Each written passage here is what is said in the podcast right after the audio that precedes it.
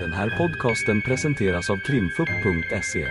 Vi tar med er bakom kulisserna in i rättssalen för en helt unik och öppen lyssning med direkt insyn i svenska rättegångar.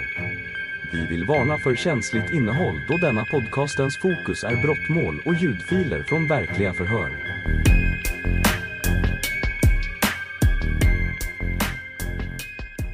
Och eh, varsågod. Tack. Eh, jag skulle börja med att säga att eh, det här har skapat en otroligt stor sorg för mig.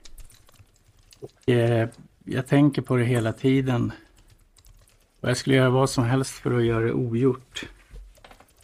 Jag har gått igenom händelserna i mitt huvud hur många gånger som helst.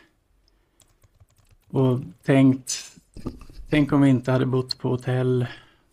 Tänk om jag inte hade tittat i hennes telefon. Tänk om hon inte hade tittat i min telefon. Tänk om vi inte hade bråkat. Tänk om min telefon inte hade gått sönder. Tänk om kniven inte hade legat på bänken. Och minsta händelse kunde ändra hela skedet. Och det har gett mig en enorm ångest. Eh, sen till saken då att natt, lördag mot söndag den 13 till 14 maj så sov vi på hotell. Och på natten så kunde inte jag sova. Så jag låg vaken och då pep det i hennes mobil ett flertal gånger efter varann. Så jag var nyfiken och eh, tittade vad det var då i telefonen. Och eh, jag hittade att hon sexchattade med någon kille på Messenger. Och eh, sen på morgonen på söndagen så bråkade vi, eller vi bråkade hela söndagen om det. Och sen på söndag kväll så tyckte då Therese att eh, eftersom jag hade tjuvkollat i hennes mobil så ville hon titta i min telefon. Och det gick jag med på. Och eh, då hittade hon eh, en bild då på en halvnaken, lättklädd ex-flickvän i min telefon som hon trodde jag träffade i smyg vid sidan om. Eh, men jag sa ju då att det var bara en gammal flickvän, men det trodde hon inte på. Så vi bråkade vidare om det sen, hela måndagen och halva tisdagen. Sen på tisdag kväll så var vi hemma hos Theresia och vi drack inget så då var det lugnt. Sen eh, på onsdagen så hämtade hon mig hemma hos mig på eftermiddagen. Och eh, vi åkte hem till Theresia och vi hade trevligt. Sen på natten så började vi bråka igen om den där kvinnan i min telefon. Då.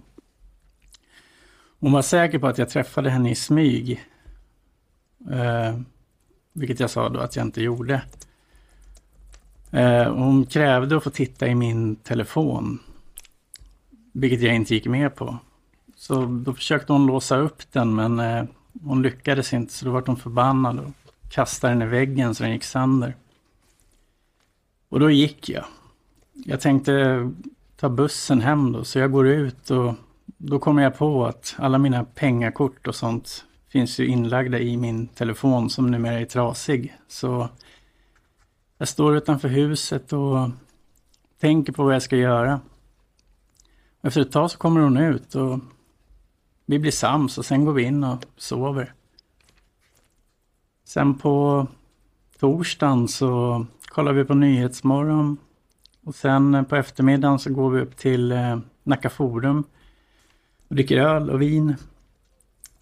Eh, sen går vi hem och då är jag trött så jag går och lägger mig och sover ett tag. Eh, sen när jag vaknar så sitter hon eh, i soffan i vardagsrummet och är skitförbannad. Hon verkar ha druckit en hel del. Hon ställer massor av frågor om kvinnan i min telefon igen. Var vi brukade träffas och när och vad vi gjorde och så vidare. Och jag säger då att jag träffar ingen annan. Men igen så det tror hon inte på. Så då säger hon att eh, hon har haft otrogna män förut. Så hon kan se alla tecken. Och så säger hon då att hon hatar otrogna män. Hon blir så arg då så hon böjer sönder mitt körkort. Och då blir jag tjurig, så jag tar hennes pass och sliter ur en sida en bit bak i det. Men så fort jag har gjort det så ångrar jag mig, för vi skulle åka utomlands veckan efter och då kan det vara bra att pass. Så jag säger, tror du passet funkar ändå? Och då skriker hon, du kan åka med din jävla invandrarhora istället. Och då går jag ut i köket och dricker vin och öl. Och jag står där ute ett bra tag. Och eh, efter då ett länge så då kommer hon in i köket och tar en kökskniv som ligger på köksbänken och viftar med den framför ansiktet på mig och skriker och hur fan kunde du vara otrogen med en jävla invandrarhora? Och Hon verkar helt galen. Och eh, jag vet ju då, ja, vi har ju bråkat förr, så jag vet ju av erfarenhet att när hon är i det läget då släpper liksom alla spärrar, hon kan få för sig vad som helst. Så, och jag tänker då att hon kommer ju sticka kniven i mig. Så jag får någon slags infall och tar tag i hennes hand. Hon håller ganska långt bak på handtaget på kniven.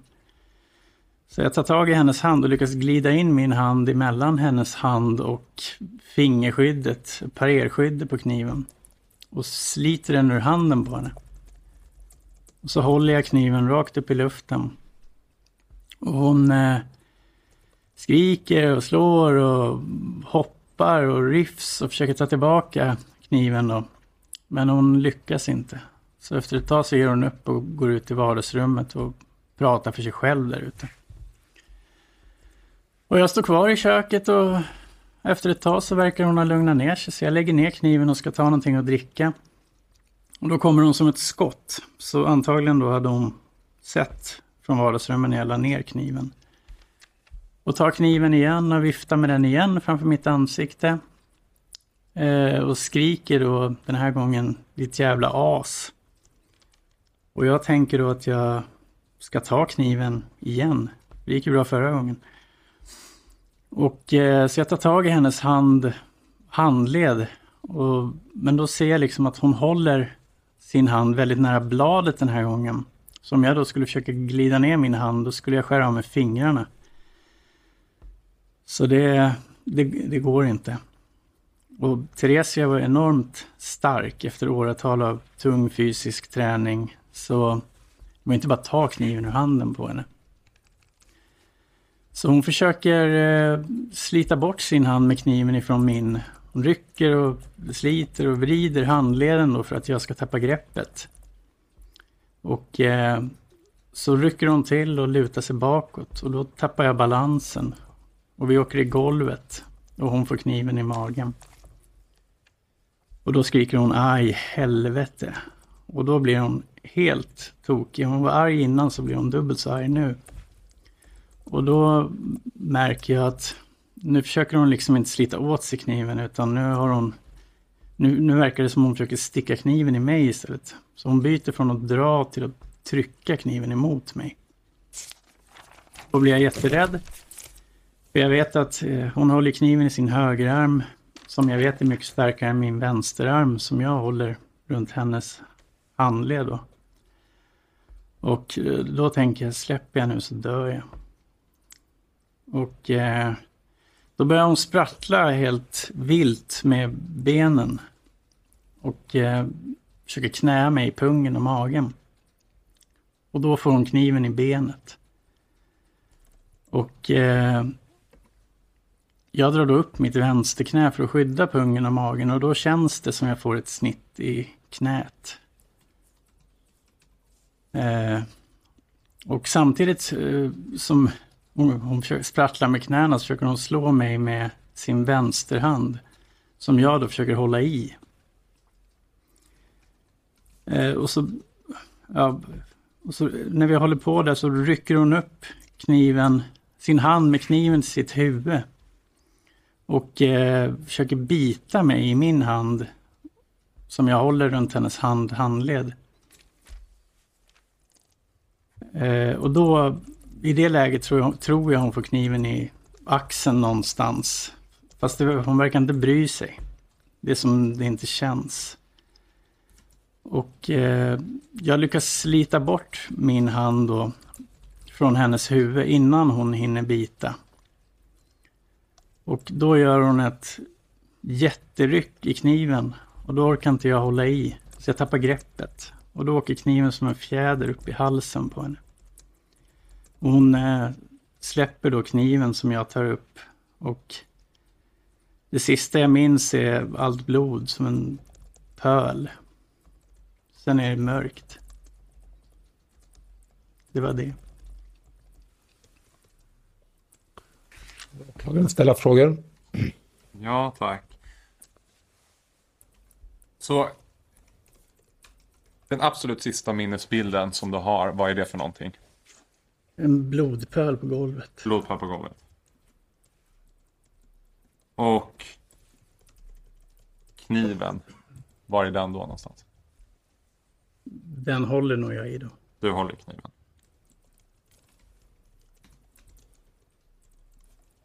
Och gör någon reflektion över, vi har ju sett rekonstruktionen, men över hur Theresia ligger. Eller var det ungefär som du visade på den här rekonstruktionen? Ja, ungefär alltså. Det, nej, ja, ungefär som jag visar på det. Jag hade ju problem där också riktigt. Och, men ungefär som hon ligger på rekonstruktionen. Mm. Okej. Okay. Och vad är din nästa minnesbild? Efter? Efter den här blodpölen. Som du sa, det var den sista. Min nästa minnesbild av det är dagen efter i häktet. Mm. Det kommer någon med frukost.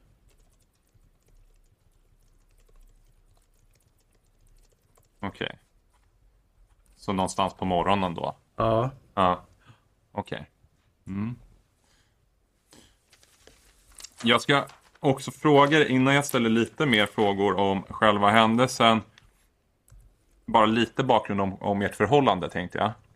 Och kan du berätta eh, när du och Theresia träffades och hur det gick till? Första gången? Mm. Ja, det var, vi träffades på Messin, eller på Match.com, en sån här dejtingsida. Okay. Och eh, vi träffades på Älta idrottsplats. Mm. Och när i tiden var det? Det var alltså vår, tidig vår 2023.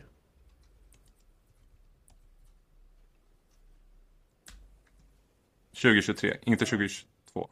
Nej. Jo, det måste det bli. Ja, 2022. 2022. Ja. Att tidig vintervår får man kanske säga. Mm. Mars, februari, mars någon gång. 2022. Och när i tiden skulle du säga att ni blev ett par? Vi vart något par ganska fort. Vår plan var från början inte att bli ett par.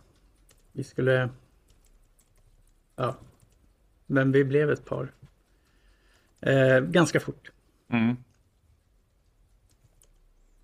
Och talar, alltså när du säger ganska fort, talar vi om veckor då eller? Ja, månad. Ja, okej. Okay. Och om du berättar liksom rent allmänt om hur relationen såg ut och då tänker jag hur ofta träffades ni och sådär? Vi träffades i princip varje gång, eller varannan vecka, varje dag. När vi inte hade barnen.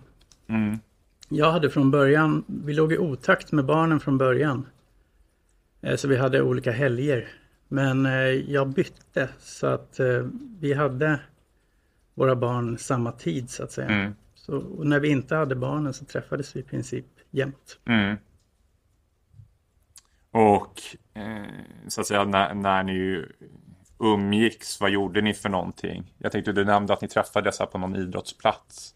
Hade ni någon gemensam hobby eller? Nej, alltså vi gillade vi gillade båda två och eh, gymma och sånt där. Inte för vi gjorde det så mycket men eh, vi gillade det båda två. Mm. Eh, hobby, vi gillade att dricka vin. Mm. Dricka vin och prata om ingenting. Det tyckte vi var ganska kul. Okay. Och vad, hur skulle du beskriva förhållandet? Var det, harmoniskt eller var det bråkigt eller Nej, det var väldigt bråkigt. väldigt bråkigt? Jag kan inte säga att det var bråk jämt, vi hade mycket trevligt också. Men överlag så var det väldigt mycket bråk. Mm. Var det. Och vad bråkade ni om? det mesta. Okej. Från minsta småsak till, till allting i princip. Mm. Och då, när ni bråkade, hur kom det till uttryck så att säga? Vi bråkade mycket via textmeddelanden och sånt där. Mycket Ja. fula ord. Mm. Eh, ibland så när vi drack så kunde det bli liksom, ja, vi började brottas, vi vart osams om något. Mm. Ja, det var mycket brottningsmatcher. Eh, ja. Det var inte så att vi slogs, utan det var mycket brottning och det kunde bli ja, mycket fula ord var det. Mm. Ja, det var mest så. Mm. Och när du säger att det var väldigt bråkigt och ni brottades och sådär. Jag tänker, det låter ju inte som kanske en helt sund relation. Nej, det, Eh, och från ditt perspektiv, hur kom det sig att ni fortsatte att ses? Alltså, vi, vi tyckte om varann innerst inne, eller vad man ska säga. Jag vet, och det här med att vi... På något vis så fick jag känslan av att både hon och jag gillade att bråka. Alltså det var... Jag kanske inte gillar det är fel ord, men alltså... Ja, vi gjorde aldrig slut och sånt där och vi vart sams väldigt fort. Eller vi gjorde slut hela tiden, men vi vart sams väldigt fort direkt efter. Så det där med att göra slut, det... Vi har nog gjort slut ett 20-tal gånger sedan vi träffades. Mm. Men sen gick det en dag eller några timmar och så var vi kompisar igen. Och du nämnde det själv här att ni båda gillade att dricka vin när ni sågs och sådär. Ehm, hur skulle du beskriva det? Alltså, när ni sågs, var det en sund förhållning till alkohol eller var det överkonsumtion eller Nej, det var överkonsumtion. Vi drack alldeles för mycket. ni drack för mycket? Mm. Och skulle du beskriva att alkoholen hade en inverkan på de här tjafsen eller tjafsade ni även när ni var Ja, vi nyktra? tjafsade även utan, men visst, alkoholen var ju en utlösande faktor helt klart. Mm. Det, I princip så brottades vi aldrig. Det var aldrig något hårdare bråk när vi inte drack. Men när vi drack så kunde det liksom, då kunde det bli brottningsmatcher. Och jag visar ju det här i sakframställan. Jag tänkte fråga dig bara några frågor om det, men, men ditt förhållande till alkohol. Eh, Jag visade någon journalanteckning här, i och för sig för några år sedan, men eh, att du hade sökt hjälp här eh, på någon beroendemottagning. Eh, hur, hur, hur har ditt liksom, förhållande till alkohol sett ut? Jag har väl druckit för mycket ganska länge. Mm. Eh, Men eh, det var lite annorlunda. Jag har haft ett jobb där jag började väldigt tidigt och sådär. Så jag har inte kunnat dricka mycket på vardagarna. För, I och med att, ja, tidiga morgnar så man måste gå och lägga sig ganska tidigt. Men Sen träffade jag Theresia. Hon hade ett helt annat jobb. Hon började mycket senare och mycket mer fritid. Så på något vis så anpassade jag mig efter det där. Så att det vart helt enkelt mycket mer då. Mm. Och eh, vad arbetar du som? Jag jobbar som byggnadsarbetare. byggnadsarbetare. Och eh, jag sa sakframställningsvis här att här mot slutet i alla fall att Theresia var arbetslös. Stämmer det? Ja, hon vart arbetslös där på sommaren någon gång 2022. Mm. Och eh, då helt plötsligt hade hon väldigt mycket tid så då kunde man ju dricka ganska mycket. Mm. Så det vart väl så att jag gjorde det också. Och eh, då trappades det upp ännu mer. Mm, okej.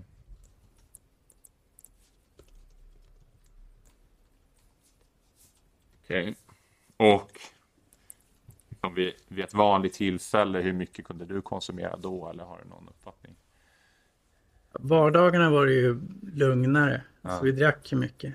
Man var ju väldigt ofta väldigt bakfull och sådär. Ja. Men eh, helgerna då, då var det no limit. Alltså då, då drack vi på hårt. Mm. Och var det framförallt vin eller var det även annat då också? Ja, Det var mest öl och vin. Men sprit också ibland. Ja. Och jag ska också fråga dig. Upplevde du att du lärde känna hennes familj eller vänner eller sådär? Nej, jag har i princip inte träffat någon av dem. Nej. Någon enstaka gång. Mm. Och vet du liksom hur det kommer sig?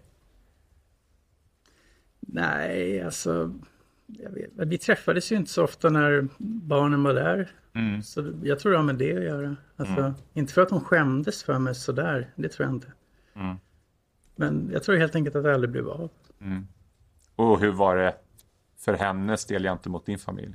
Var det samma eller? Nej, min dotter har varit sjuk. Så hon var i princip alltid hemma hos mig. Eh, För jag, så hon har träffat min yngsta dotter många gånger. Och min äldsta dotter ett fåtal gånger. Ah, okej. Men det är framförallt din yngsta dotter då? Mm. Ja. Och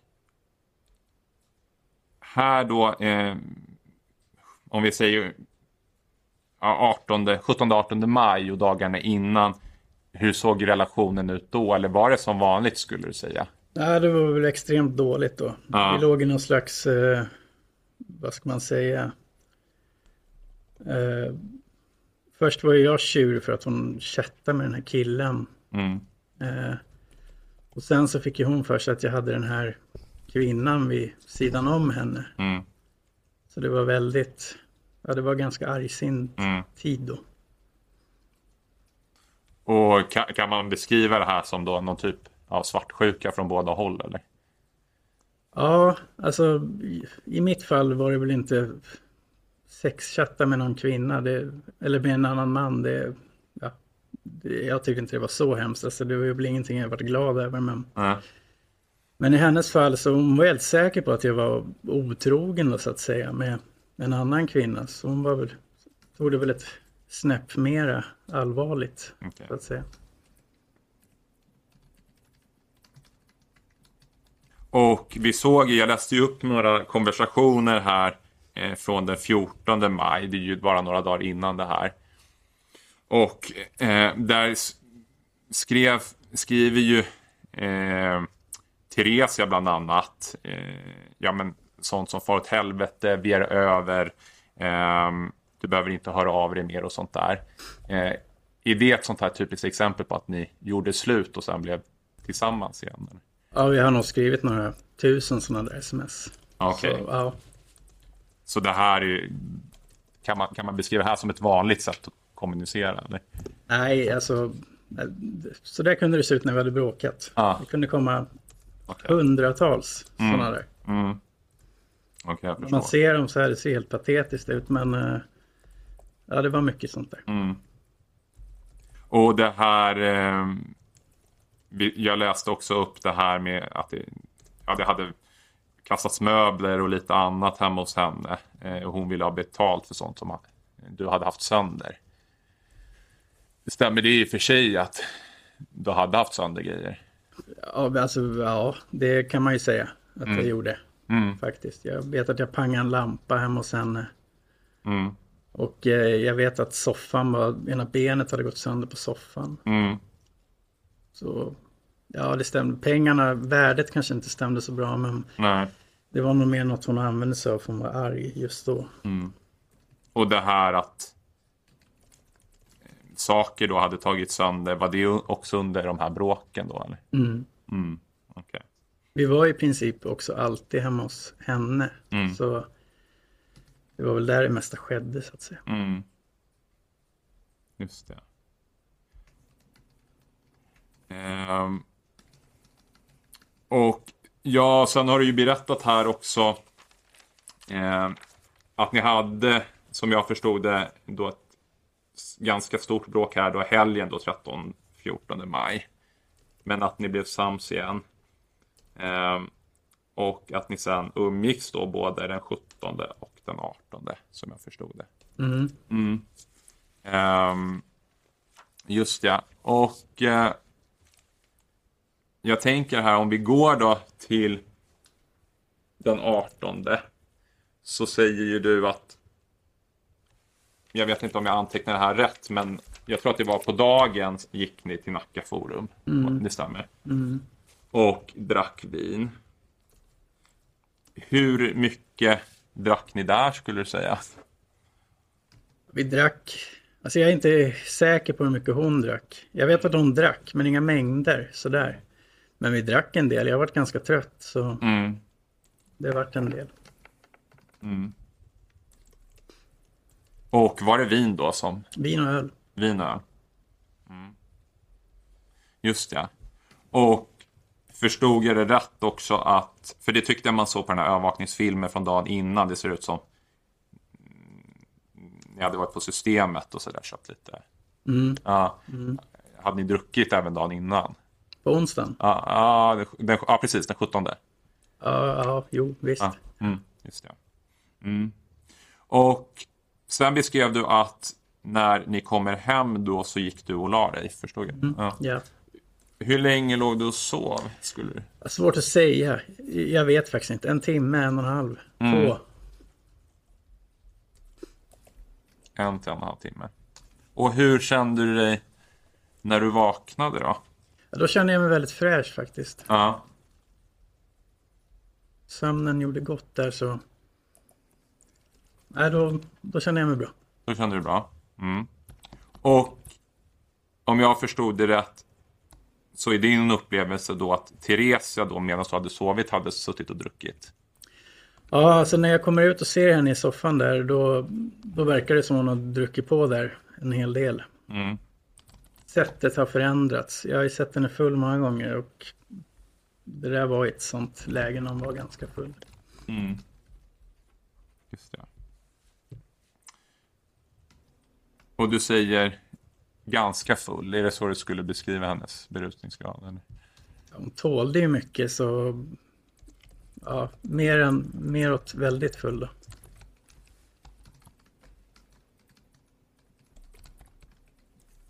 Och innan du går och lägger dig när ni kommer till Theresia, hur är stämningen mellan er då? Ja, när vi går hem där då börjar det börjar det bli lite dåligt för jag ska ju gå och lägga mig. Eh, Jag säger det, jag är skittrött. Jag måste gå och lägga mig när vi kommer hem och det tycker hon inte om. Hon gillar inte när jag sover. Mm.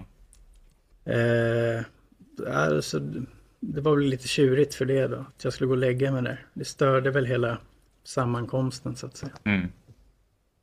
Så Och sen när du vaknar, då förstår jag rätt då att då, då har Theresias sätt förändrats, så att säga. ja. Ja. Och vad är det liksom när du kommer ut, vad, vad säger hon då för någonting?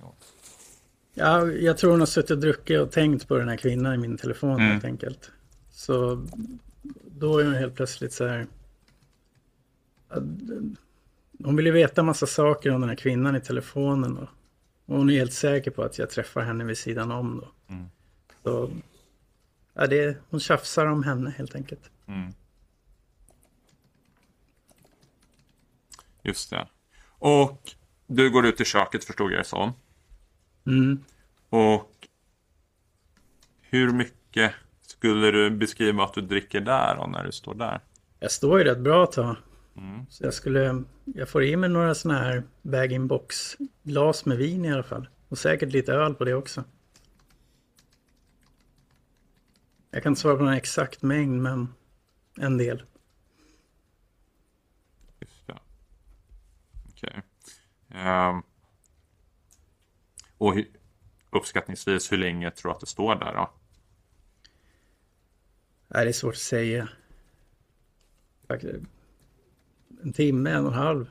okej. Länge. Och vad gör Therese under tiden när du står där? Då? Hon, hon sitter kvar och skriker i vardagsrummet. Massor av sådana här dumma saker. Mm. Bög. Invandrarhora. Idiot. Mm. Ja,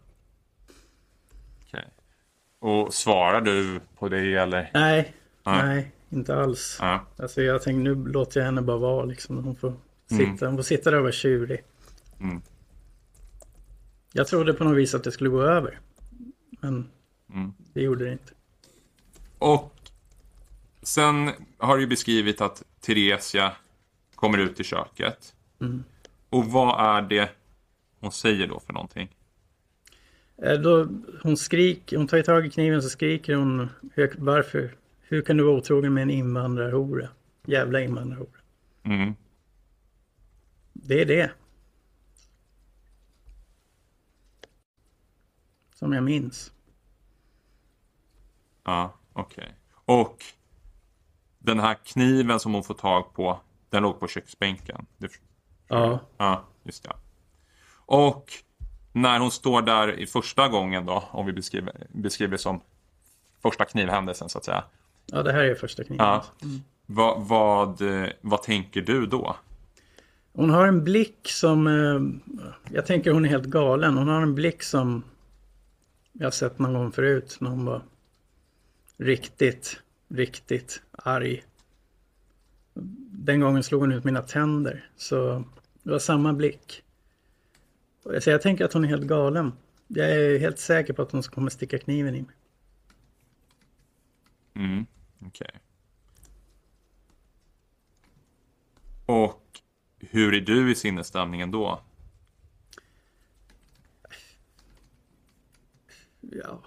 Alltså jag står i köket och hör på när hon sitter och skriker massa fula ord till mig så jag är väl inte jättelycklig men... Eh,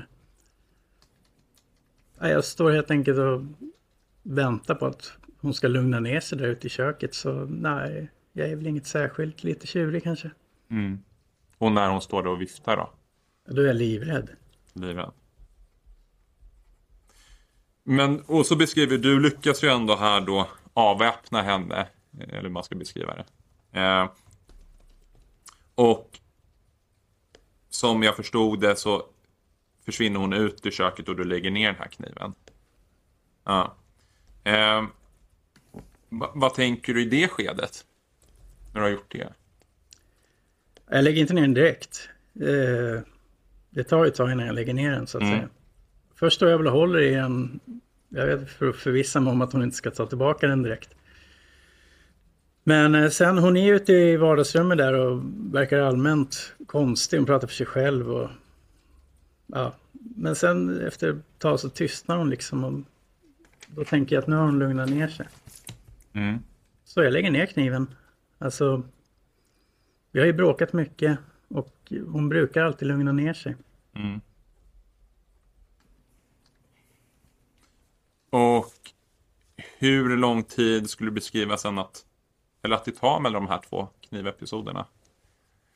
Men um, ja, eh, ja. Tio minuter. Tio minuter. Mm.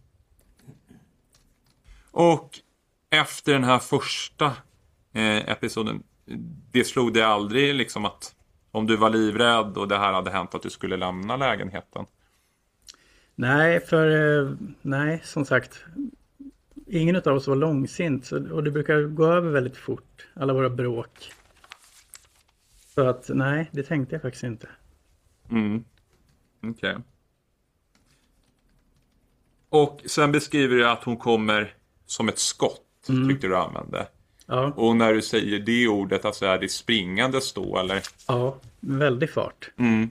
Nästan som om hon stått och lurpassat. Liksom gjort sig beredd att springa in. Bara vänta på rätt tillfälle. Ja.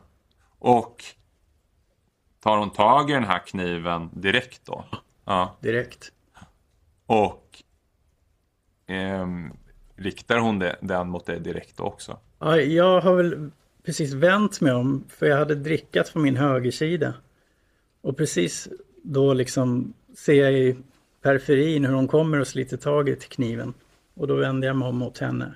Och då viftar hon direkt med den i ansiktet på mig. Mm. Och säger hon något då? Ja, ditt jävla as. Jävla as. Och sen har du ju beskrivit eh, ja, men hu- hur du tar tag om hennes handled som jag förstår det. Och att ni trillar och att hon får kniven i magen. Eh, det här när ni har trillat, hon har fått kniven i magen. Vad tänker du om det? Alltså när det sker. Ja, alltså jag tror ju inte att det är så illa som, som jag fått höra att det är Mm. då. Utan jag tror mer hon kanske får någon skärsår eller något i magen. Mm, Så jag tänker inte så mycket på det. Okej. Fastnade kniven i magen? Äh? Nej, alltså, nej, jag har ingen minne av att den fastnade eller något sånt där. Det var mer som att aj helvete och sen var bara kniven upp i luft. Eller alltså sen, nej den fastnade inte. Ja. Vad jag minns. Det var som bara studsade upp. Mm. Gjorde du någon reflektion om Theresia blödde då? Nej, ingenting. Nej. Eh, det här med eh, tarmarna. Att de har tittat ut. Var det något som du reflekterar över? Nej. Nej. Okej. Och som jag förs- förstod på dig så verkar det här inte bekomma Theresia alls. Att hon hade fått kniven i magen. Ja, hon skriker ju alltså hon, hon får ju ont. Ja. Eller hon reagerar ju. Men det är som om efter det där så var det som hon fick förnyade krafter. Mm. Alltså, då vart hon jättearg. Som hon var arg innan så vart hon skitförbannad då. Mm. Okej. Så, ja. Sen ligger ni ju här, eh, som du beskriver det, ungefär so- som en brottningsmatch nästan, tyckte att du visar på rekonstruktionen där hon Ja, alltså vi håller försöker ju... knäa dig, beskrev du. Hon försöker väl kniva mig då. Jag försöker hålla bort kniven. Mm. Hur länge bedömer du att det liksom pågick när ni låg här på golvet? Att ni låg och brottades? Ja, jag har fått den frågan förut, men jag har ingen aning. Alltså, Nej. det gick jättefort, allting. Mm. Jag vet inte alls.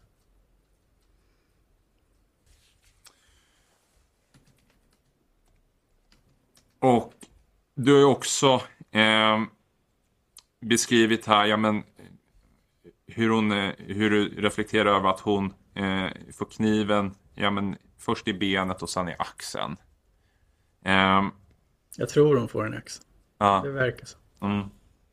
Och om jag förstod det rätt så vid ett tillfälle här så, så eh, uppfattar du det som att du själv får något snitt i benet. Ja, det känns så. Ja.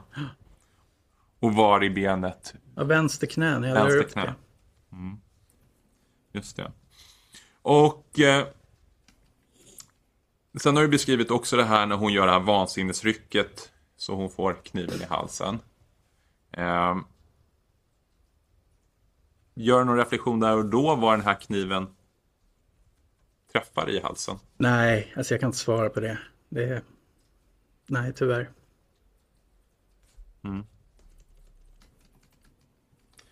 Eh, fastnar kniven på något sätt i halsen eller?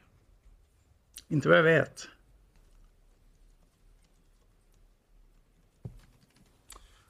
Okej. Och precis efter det så har jag förstått det som att du reflekterar över den här blodpölen. Mm. Ja. Och att du tar kniven. Och sen är det svart. Ja. Ja. Det är, hon, hon släpper kniven och jag tar upp kniven. Och sen, precis, sen, ser jag, sen är det blodpölen och sen är det svart. Mm.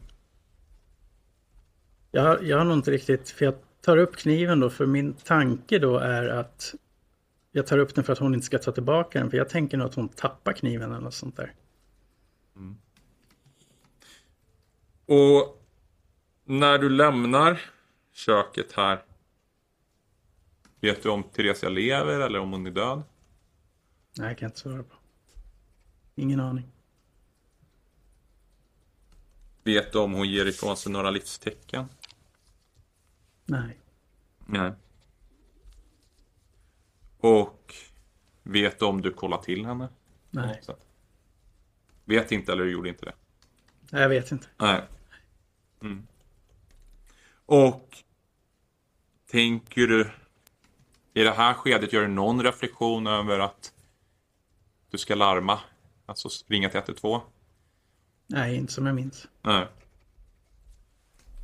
Eh, och du har ju beskrivit eh, Teresias inställning under det här förloppet. Hur skulle du beskriva din? Jag var rädd. Jätterädd. Det är det jag minns.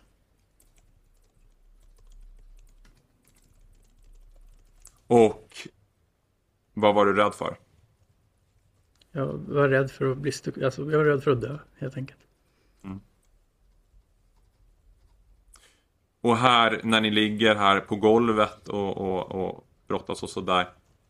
Minns om ni säger något till varandra i det skedet? Alltså det, det här var ju väldigt intensivt så, och allting gick ju väldigt fort. Så visst, vi skrek säkert saker. Men det är ingenting jag... Alltså jag... Jag försökte inte dö. Det var väl det jag tänkte mest på. Mm. Just det. Ni har lyssnat på ett avsnitt av Krimfupps podcast. Tipsa gärna oss på krimfupp.se om det är någon speciell rättegång ni skulle vilja höra. Tack för att ni har lyssnat.